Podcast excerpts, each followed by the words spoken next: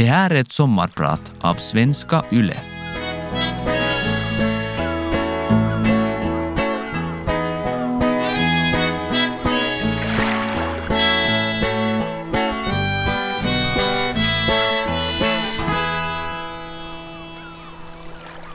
Traktorn varm som en bastu. Det är högsommar och dygnets varmaste timmar har just passerat. När jag kom till utskiftet i morse och tankade cisternkall brännolja från jerrykannor var gräset dagvått och småfåglarna saluterade mig. Innan jag avslutat dagen har solen gått ner, naturen tystnat och min dammsvettiga hud torkat och börjat frysa. Jag slår på hyttvärmen och lyssnar till Selko-Otiset i radion. Selko-Otiset är lämplig takt när man arbetat med en maskin över tolv timmar i sträck. Farten i uppläsningen och tydligheten ger mig tid att fundera på vad de egentligen menar. Vad nyheterna betyder för mig. Mats Holmqvist, ekobonde från Karleby. Idag ska du få lyssna på mig i din traktorhytt eller i din hängmatta. För dig ska jag sommarprata om mitt liv, mitt arv och vårt ansvar för jorden. Jag slår gräs. Bakom mig har jag en slottakross kopplad och följer intensivt med blicken hur Rödklöver och Timotej i rask takt dyker in under maskinen. Blicken turvist på vänster framhjul och på slottakrossens framkant. Turvist i tolv timmar. Jag har världens vackraste arbetsplats. Dikesrenen som jag så intensivt följer dukar upp en oändligt lång rabatt av ängsblommor och sommarörter. Prästkrage och blåklockor, rallarros, blåklint och alopecurus. En vild artfrände till förädlad timotej. Ibland också älggräs och tistel. Mina tankar går vidsträckta exkursioner men annars lämnar jag traktorhytten bara för bettbyten och smörjning av maskinens lagerskålar. Vum! Plötsligt har jag nitbromsat. Traktorn står stilla, slotterkrossen vrålar och tallrikarna med skärknivarna rusar i 3000 varv i minuten. Hytten gungar framåt av den hårda och plötsliga inbromsningen. Alldeles framför slotterbalken, precis innan gräset ska dyka in under skyddskjolen av gult presenningstyg, står en liten parant tuva med tistel och växer. Det är en magkänsla. Typen av växtlighet har inpräntat sig i ryggmärgen. Kring en sten eller berggrund är växtligheten annorlunda. Kör jag med hög fart slottakrossen i en jordfast sten är katastrofen ett faktum. Flera dagars avbrott och tusentals euro i reparationer. Många gånger har jag tänkt att skulle man klara av att bygga en slottamaskin som biter på sten så skulle man bli rik. Jag har en bild som återkommer. När jag kör på en plats i terrängen där landskapet höjer sig saktar jag långsamt in. Traktorn kryper upp för en kulle och perspektivet ändrar där jag sitter i min hytt. Som när kameran lyfts med kran i en film breddar sig perspektivet så att jag ser över kullens krön. Stället kallas Rovkällarbacka. Platsen för en jordkällare på min farmors hemgård. Jag stannar. Solen har börjat mista sin styrka men kvällen är ännu varm. Humlor och fjärilar flyttar flitigt från blomkorg till nästa. I motljus ser jag de gamla hängbjörkarna vaja vid porten där man en gång lagrade rovor för vintern. Och jag märker att jag inte är ensam. Tysta står ett helt arbetslag av människor och betraktar mig. Gamla och unga i sommarlätta kläder. Männen bär stövlar, många har bar överkropp och svetten blänkar ännu av den målmedvetna arbetstakten.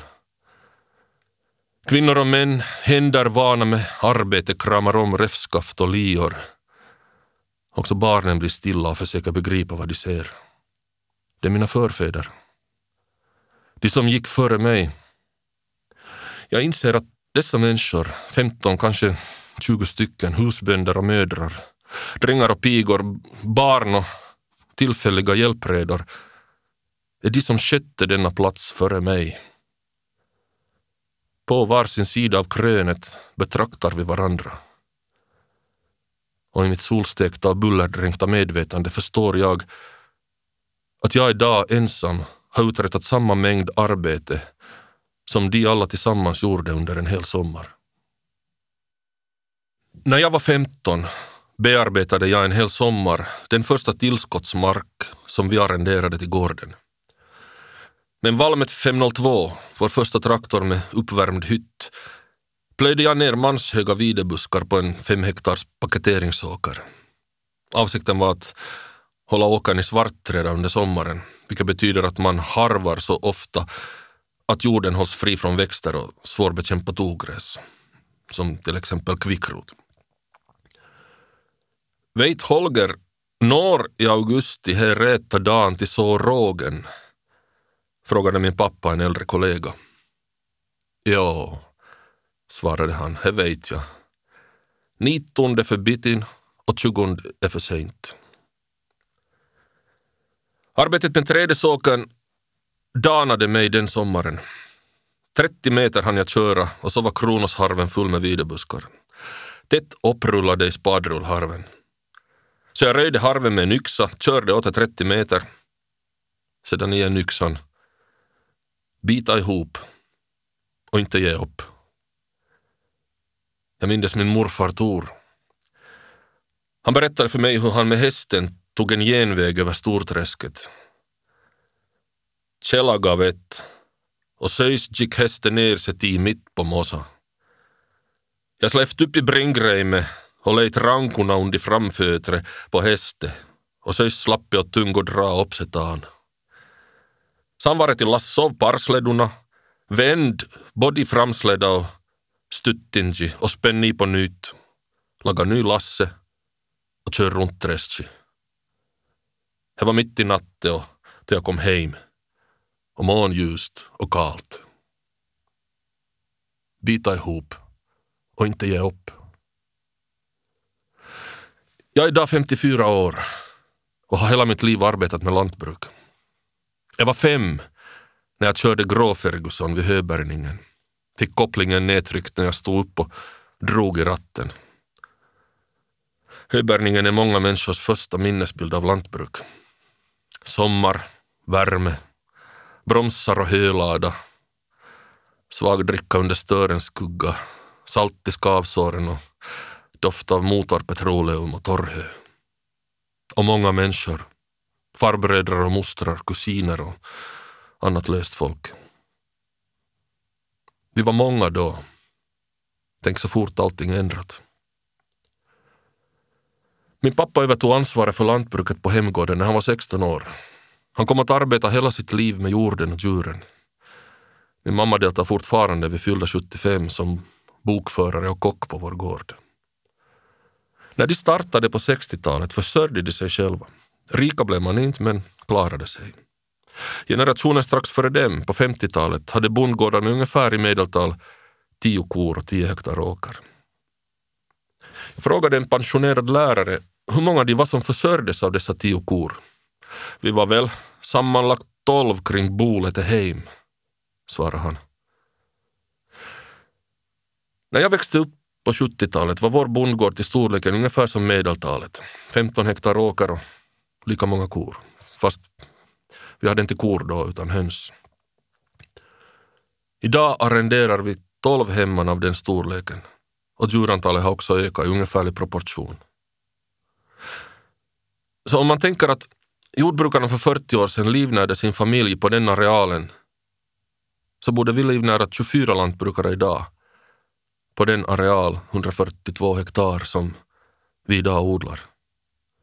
Med barn till blir det över 50 personer. Men det gör det inte. Jorden försörjer knappt två människor som gör 70 timmars arbetsveckor. Enligt Naturresursinstitutet Lukes statistik var vi 50 000 gårdar i Finland år 2016. Vi har mer än halverats sedan EU-inträdet. Halveringstakten har sedan ökat så den idag sker vart tionde år. Ändå odlar vi fortfarande samma areal i Finland, det vill säga gårdarnas storlek har hela tiden vuxit. Vi är alltså mindre och mindre bönder som ger, gör mera arbete. Med maskinernas hjälp. En av den svenska ekoodlingens frontfigurer, Gunnar Rudgren, skriver i sin vision om lantbruket om man ställer insatt energi i förhållande till energi i maten som produceras så blir vi allt mindre energieffektiva i takt med mekaniseringen av jordbruket. Om vi jämför med 1940 så använder vi idag fyra gånger så mycket energi till att producera dubbelt så mycket mat. Så fast jag ensam lyckas skörda hela farmors hemgård på en dag så ligger jag långt efter mina förfäder när vi talar om energisnålhet. De använde ingen fossil energi.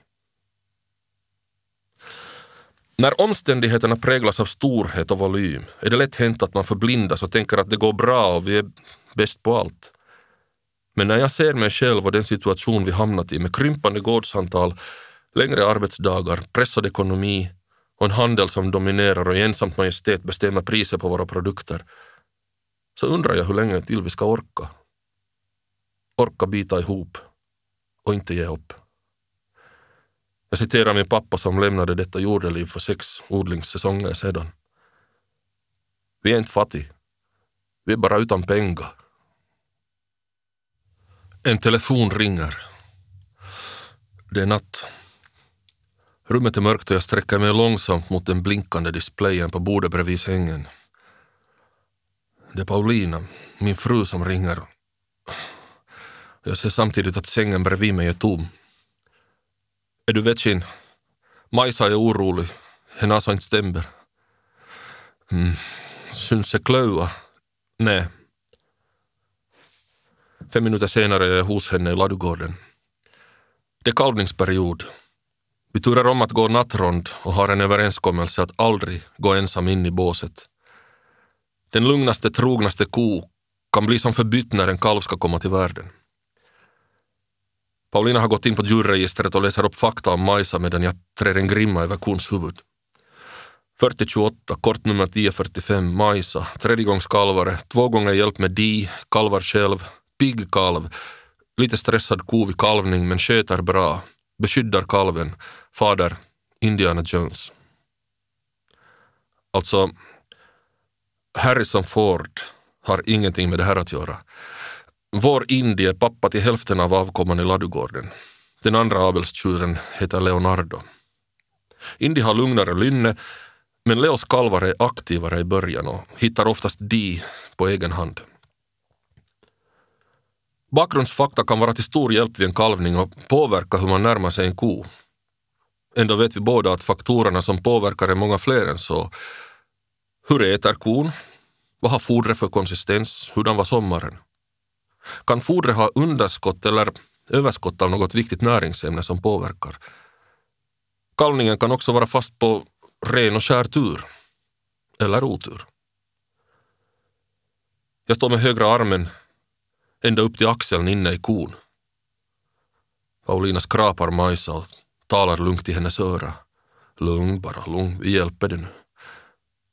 Majsa lugnar sig.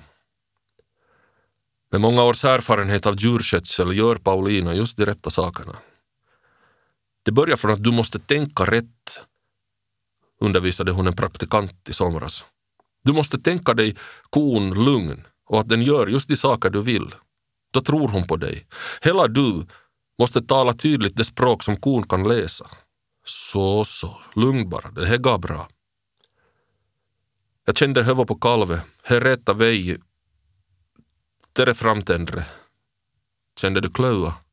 Ja, eh, äh, Jerein, men eh, jag hittade bara ena klöve. Majsas kalv ligger fel. Hon har tur med det att kalvens huvud är i rätt läge inne i födslogången, men ena framfoten har blivit efter. I det läget ryms kalven inte ut. Majsa kommer inte klara det här ensam. Jag tar spjärn med stövlarna i halmbädden, pressar handen längre in, kon tar några steg undan. Så, så, så, så, så. Allt vi kan om kalvningar och kor är inhämtat praktiska vägen. Tack till kollegor och alla kunniga djurläkare som givit råd och exempel genom åren. Att korrigera en framklöv som ligger fel är ännu ganska lågt på svårighetsnivån. När kalvens huvud ligger fel eller hela kalven är fel vänd eller upp och ned inne i kons livmoder, då krävs erfarenhet. Och långa och smala och starka armar. Oftast är det bäst att kon står upp. Lägger den sig ner förvärras möjligheten att korrigera en felliggande kalv. Vi måste också akta oss för att bli trampade på eller bli under om djuret faller ner. En ko väger över 700 kilo. Det är en stor lättnad att ta emot en erfaren djurläkare mitt i natten när du kämpat ensam i flera timmar. När högre erfarenhet och kunskap och resurser träder in på scenen förbyts uppgifterna en aning. Läkaren behandlar djuret medan vi håller, lugnar, assisterar med utrustning och handräckning. Samtidigt är riktningen densamma för alla. Situationen ska lösas på ett eller annat sätt. Det viktigaste är att förhindra lidande, spara liv och minimera ekonomiska förluster. I den ordningen. Så efter tredje försöket har vi en idealsituation med två små kalvfötter bredvid varandra och en kalvnos ovanom dem. Bekymret nu är att kalvens päls har börjat torka och då blir det igen svårare att lyckas få ut i tid. Vi arbetar målmedvetet. Kalvningsgel och två smala kedjor som jag trär kring klövarna. Allt görs med enbart ena handen som vid det här laget börjar bli ordentligt trött. Nu krystar Majsa igen och vi tar tillsammans tag i ett handtag som är fäst vid kedjorna och drar bakåt och nedåt medan Majsa krystar. Till sist hörs ett vrål. Och ner på halmen dimper en plaskvåt tjurkalv. Snabbt kollar vi att luftvägarna är öppna och att kalven andas. Sen lossar jag kedjorna och Paulina knyter upp repet som håller Majsas grimma. Jag släpper Majsa, meddelar Paulina. Hej okej, jag är ute ur chatta, svarar jag. Fast vi är bara två upprepar vi med ord vad vi gör. Eftersom man inte hela tiden kan ha blicken på djuret, till exempel när man öppnar eller stänger ett grindlås, så är det livsviktigt att dubbelchecka allt som görs. På några sekunder kan allt ändra. En ko med en nyssfödd kalv har bara ett intresse, att försvara kalven. Det är en underbar känsla när vi står och ser på den lilla som blinkar och plirar med sina små kalvögon medan kon frenetiskt slickar den torr och talar med den. Korna har en helt speciell ton och, och sätt att ljuda när de kommunicerar med sin nya kalv. Vi kallar det för kalvprat. Kalvpratet kan börja redan innan kalvningen och är ett tecken på att kalvningen närmar sig. Jag tror att, att arbetets karaktär, att vi står så nära det som föds och det som dör, det, det att vi in i det sista i skeden kopplade till yrket är programmerade att inte ge upp. Att det också avspeglar sig i vårt sätt att förhålla oss till lantbrukets utveckling i stort. När lönsamheten pressas ner och kravet på effektivitet ständigt omger oss, så går vi med på det, fast det vettigaste skulle vara att direkt säga ifrån. Det här går inte. På de här villkoren kan vi inte fungera. Från växtodlingen lär vi oss samma sak. Varje vår sår vi utan att veta ett dyft hurdant väder det året ger oss. Vi bönder är vana att gå ut för fullt, satsa det bästa vi kan utan att veta hur omständigheterna blir just det året. Vi förlitar oss på att det inte ständigt kan komma besvärliga år. Någon gång vänder det. Hur klarar man av på ett lantbruk att inte hämta med sig arbete hem? Att skilja arbete och fritid? Eller att uppmärksamma varandra i parförhållandet? Det är lätt hänt att man börjar begränsa sig till att enbart prata jobb. Vi arbetar väldigt nära varandra med Paulina, i synnerhet när vi är med djuren. Och paradoxalt nog talar vi med varandra ganska lite då. Kanske för att fokus ligger på djuren. För när vi i juni påbörjar slotten och foderbalandet då kan vi tala mycket med varandra och långa stunder där vi far omkring i varsin traktor med hörselskydd och bullerkompenserade mikrofoner. Som om vi är närmare varandra då fast vi fysiskt kan vara i skilda kommuner. En sommar slog jag till och ringde upp henne från min traktor och föreslog middag på segelpaviljongen. Det var vår bröllopsdag och jag kom ihåg den före henne. Klockan var fem. Klockan sju sprängde en hydraulslang och jag ringde att middagen blir lite senare. Kring nio avbokade jag bordsbeställningen och halv elva var vi duschade och klara. Alla kök i stan hade stängt. Vi körde till centrum, beställde vid bilgrillen och bänkade oss vid träborden på trottoaren. En grillpanna med allt på. Det var vi två och det var jul i natt och ljust. Tanten i grillen fick stress när vi berättade att vi firar bröllopsdag. Men vi försäkrade, att, försäkrade henne att maten är delikat och vi har det hur mysigt som helst. Det tyckte också måsen som betraktade oss vid bordet bredvid. Jag heter Mats Holmqvist, en sommarpratande bonde. Albert, min farmors bror, en av männen som står på backkrönet bland höbärgningsfolket och betraktar mig. I rederiets listor på Amerikafarare från Österbotten står det att han var född 1879. Lettifarmor berättade att han en höst där han gick bakom hästen på Frises åter en gång körde fast plogen mot en sten så att vändskivan sprack. Han lär ha kastat tömmarna och utropat ”Nu far jag till Amerika!” Och så for han. Han var 20 år gammal. Vad gjorde jag själv när jag fyllde 20? Sprang upp och ner för en backe i Säkylä och bar på mina trappor av cement som det stod Nylbrr på. Nylbrr i elva månader. Albert hade undgått faran att hamna i rysk militärtjänst efter Finlands självständighetsförklaring. Ändå valde han att resa. Orsaken var förstås ekonomisk, liksom för hundratusentals andra österbottningar. Hade jag ett val? Eller var det utstakat att jag skulle bli bonde? Vad ville jag? Vad tänkte jag om framtiden? Jag minns att, att det var en självklarhet att hemgården skulle fortsätta odlas. Så återkom jag också alla ledigheter och ferier till Heimane och bidrog med arbetskraft. Liksom min bror och mina farbröder. Jag har ingen minne av att jag skulle ha haft ett krav på mig att överta gården, föra arvet vidare från tidigare släktled. Inte åtminstone ett uttalat sådant. Det är många som har det. När man som barn från tidiga år är involverad i det praktiska på gården, är med om att bygga upp förutsättningarna för en god matproduktion, så är det ingen lätt sak att vara den som avslutar. Skrivas in i släkthistorien som den som släckte lampan. Jag minns att jag redan som liten la märke till hur sättet man benämner varandra kan variera från by till by. Hos oss kallade kvinnorna sina män för gubbe i bemärkelsen ens äkta hälft. Men när vi besökte våra kusiner som bodde ännu längre ute på landet så kallade de sin egen pappa för gubbe. Det lät konstigt i mina öron. Varför ville man säga gubbe, nu i bemärkelsen gammal gubbe om sin egen pappa?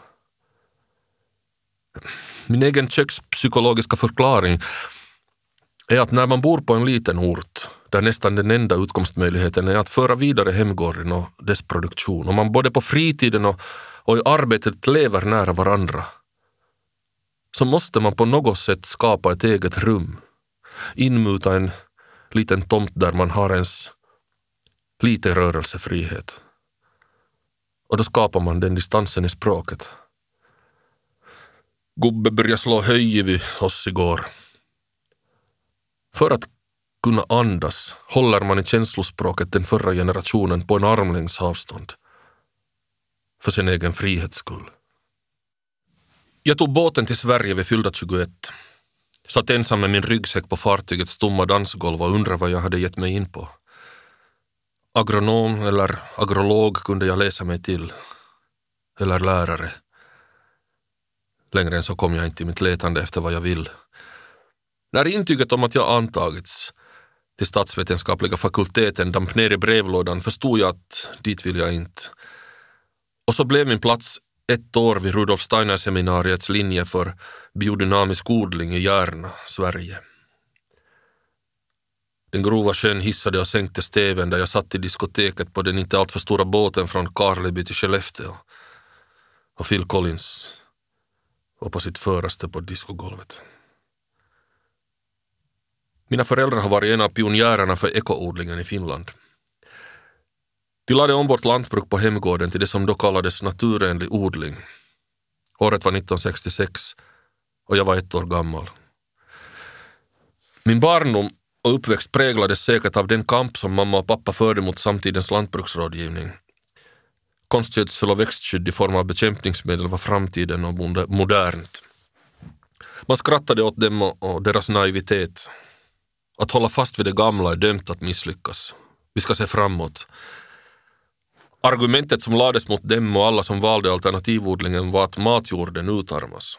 Rovdrift var ett återkommande argument. Så den stämning jag kommer ihåg från barndomshemmet från 70-talet var att det måste bevisas att det sätt vi valt att odla på är hållbart. Ganska märkligt egentligen när man beaktar att kemikaliseringen i lantbruket hade pågått då lite drygt två decennier. Så fort hade industrin skapat ett behov för sina produkter. Föräldrarnas intresse för naturenlig odling kom via den miljömedvetenhet som spreds via Sverige från USA. Boken Tyst vår av Rakel Carson var en allmän väckarklocka som satte igång miljörörelsen på allvar. Lantbrukets användning av växtgifter och pesticider var ett ämne för oro och den vägen kom föräldrarna i kontakt med antroposoferna i Sverige. Biodynamikerna var de första som hade en organiserad rådgivning och också forskning med fältförsök kring naturenliga odlingsmetoder och det blev min fars lantbruksskola på distans. Så när jag kom till Järna och tog del av undervisningen så hade jag författarna till de böcker som pappa beställt från Sverige som föreläsare. Forskare och konsulenter som Bo Pettersson, Kjell Arman, Artur Granstedt, Mikael Pax har alla stor andel i att ekologisk odling idag breder ut sig. Den praktiska undervisningen med växtodling och djurskötsel varvades med förmiddagsföreläsning tillsammans med de som studerade Waldorfpedagogik, Steinerskolornas blivande lärare, och de som gick på konstlinjen. Så jag fick förutom potatisplockning också prova på måleri baserat på Goethes färglära, eurytmidans, skulptering, astronomi och allmänna föreläsningar i teosofi och antroposofi. Undervisningen var omtumlande och intressant. Jag tror att jag lärde mig tänka annorlunda. Året på Skillebyholm lärde mig förstå våra nordiska språk. Danskan tyckte jag var som närpesdialekten. Man måste kunna ett batteri av de mest förekommande och märkligaste orden så öppnar sig resten. Jag lärde mig också att uppskatta vegetarisk kost. Vi hade inte kött så ofta på matsedeln och potatis endast en gång i veckan. Det var värst för mig att, att klara mig utan potatis. Hirs och bönor höll på att golva mig men det räddade upp sig till slut. Biodynamikerna har en idé om att potatis inte är att föredra så ofta för jordpäronet växer i mörker. Einovar Messin. Farmors bror återvände aldrig till Finland. Han bosatte sig på västkusten och verkar livet ut som bonde. När jag besökte Chicago där Paulina studerade vid millennieskiftet fick jag kontakt med Alberts sondotter och flög till Denver och hälsade på. En liten lustig händelse inträffade ännu under första eftermiddagen när vi körde omkring på sightseeing. Under middagen på en restaurang i Red Rocks, Colorado, räckte småkusin Mary med brödet och frågade om jag tar smör eller margarin. Smör, svarade jag automatiskt. Annars gör pappa mig arvlös. Och kusinen sken upp och sa att precis samma sak har hon fått höra sen barnsben. Så den ekonomiska verklighet som producenterna på det lilla hemmanet i norra svenska Österbotten i slutet av 1800-talets Finland befunnit sig i hade varit så genomgripande att avkomman fortfarande 150 år senare på skilda kontinenter har samma politiska syn beträffande produktionen av livsmedelsfett. När hela avelsverksamheten går ut på att höja fetthalten i mjölken och priset på mjölk bestäms utgående från mjölkens konsistens då är det inte nådigt att börja svamla om växtfetter. Så talar du för margarin blir din lott arvlöshet. Hegar gubbe alder med på.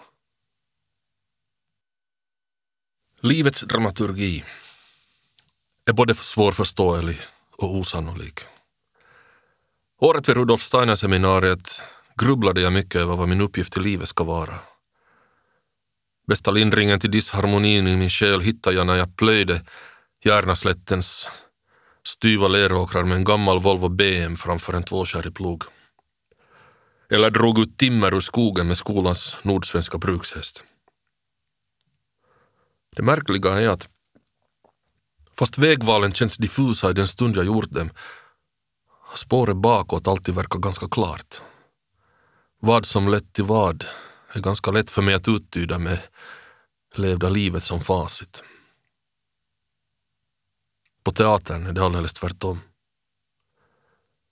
När du gestaltar en roll på scenen vet du som skådespelare exakt vilket spår du har att gå. Varje val du gör är fullständigt medvetet, inrepeterat och förutbestämt. Men du måste lyckas blåsa liv i illusionen att allt sker i stunden och du själv är den som är mest förvånad av alla över vad som sker. Därför sökte jag följande höst till Teaterhögskolan i Helsingfors. Mitt yrke blev skådespelarens. Kanske är det så att jag lyckats tillämpa ekologiska odlingens lära om växelbruk i hanteringen av min vardag och mina professioner. Teatern har varit mitt Amerika när plogen kört fast i sten och jag fått en inre lust att kasta tömmarna.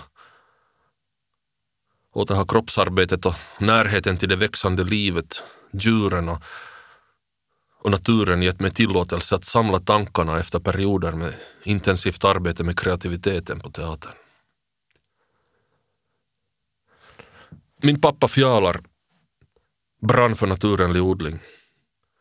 Han trodde på hållbarheten i systemet där man går med naturen och försöker stärka dess livsprocesser i samklang med miljön.